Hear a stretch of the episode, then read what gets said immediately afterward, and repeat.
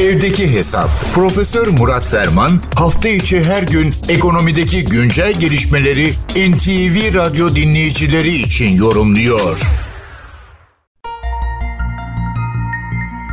Dünkü ekonomik gündemin birinci maddesini hiç şüphesiz Türkiye Cumhuriyet Merkez Bankası'nın yılın birinci enflasyon raporu oluşturuyordu.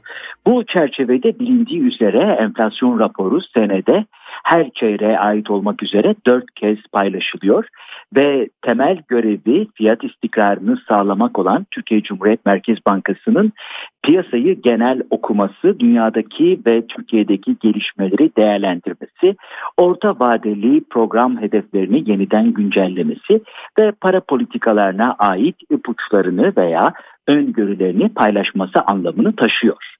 Dünkü konuşma ve takdim elbette Cumhuriyet Merkez Bankası Başkanı tarafından gerçekleştirildi. Genel geçer bir ifadeyle Batı cephesinde yeni bir şey yok. Başkan yeni bir duruş, yeni bir vaziyet edişe dair ipuçları vermedi.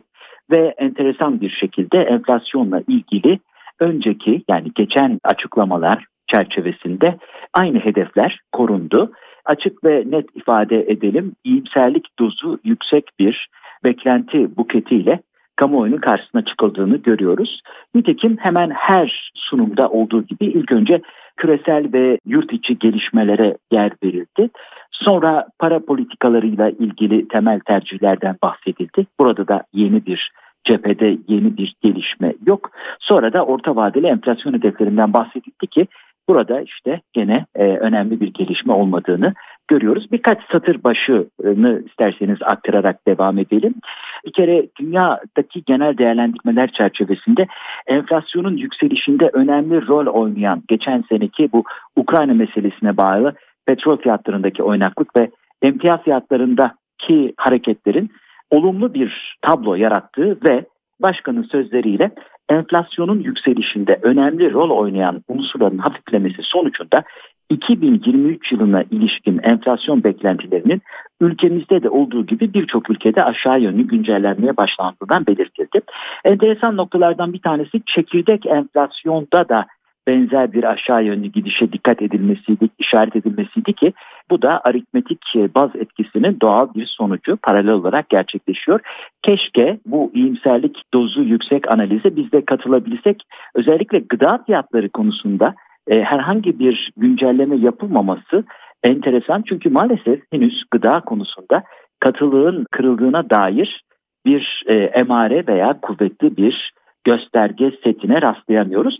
Bence en önemli meselelerden veya paylaşılan bilgilerden bir tanesi de Türkiye'nin küresel ekonomi içerisindeki payının satın alma gücü paritesine göre hesaplanan milli gelir bazında yıllar itibariyle ikiye katlanarak yüzde ikiye ulaşması ve buna ek olarak söz konusu artışın 2000 yılında dünya sıralamasında 18. sırada bulunan ülkemizin 2022 yılı itibariyle 11. sıraya çıkmasını sağladığına ilişkin ibare ama tekrar ediyoruz bu satın alma gücü paritesine göre sapla, e, saptanmış bir bilgi.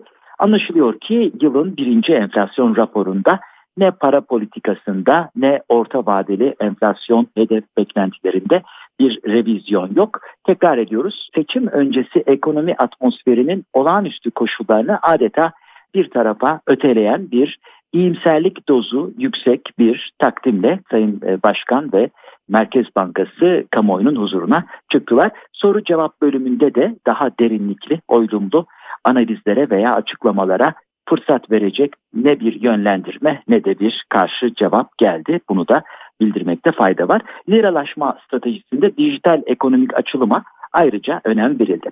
Tabii haftanın e, iki önemli haberiyle tamamlamak gerekir. Bunlardan bir tanesi KKM'de faiz sınırı kaldırıldı. Bankalar bundan sonra herhangi bir faiz sınırına tabi olmadan kur korumalı mevduat faizini saptayabilecekler. Bu da kur korumalı mevduat faizine yeniden ilgi alakayı arttıracak bir motive edici unsur olarak değerlendiriliyor. Bir de ihracatçıya özel fiyat anlamına gelen piyasa kurunun %2 üzerinde belirli koşullara bağlı yeni bir düzenleme getirildi. Tabii bütün bunların yanı sıra son notta Amerika Birleşik Devletleri ekonomi büyüme, ekonomideki büyümenin son çeyrekte beklentilerin biraz üzerinde olması ama Amerikan ekonomisi biliyorsunuz tüketici harcamalarına büyük oranda dayanan bir tüketim ekonomisi. Tüketici harcamalarında o denli beklenenin altında bir artış olmuş. Demek ki Amerikan tüketicisi müdebbir davranmaya devam ediyor. Bu da enteresan bir not olarak herhalde kayıtlara geçirilmeli. Bu genel bilgi paylaşımı ve değerlendirme çerçevesinde değerli dinleyenlerimize katma değeri yüksek ve yüksek katma değerli bir gün ve esenliklerle dolu bir hafta sonu diliyor. Huzurlarınızdan hürmetlerle ayrılıyorum. Profesör Murat Ferman'la evdeki hesap sona erdi. Kaçırdığınız bölümleri www.ntvradio.com.tr adresinden dinleyebilirsiniz.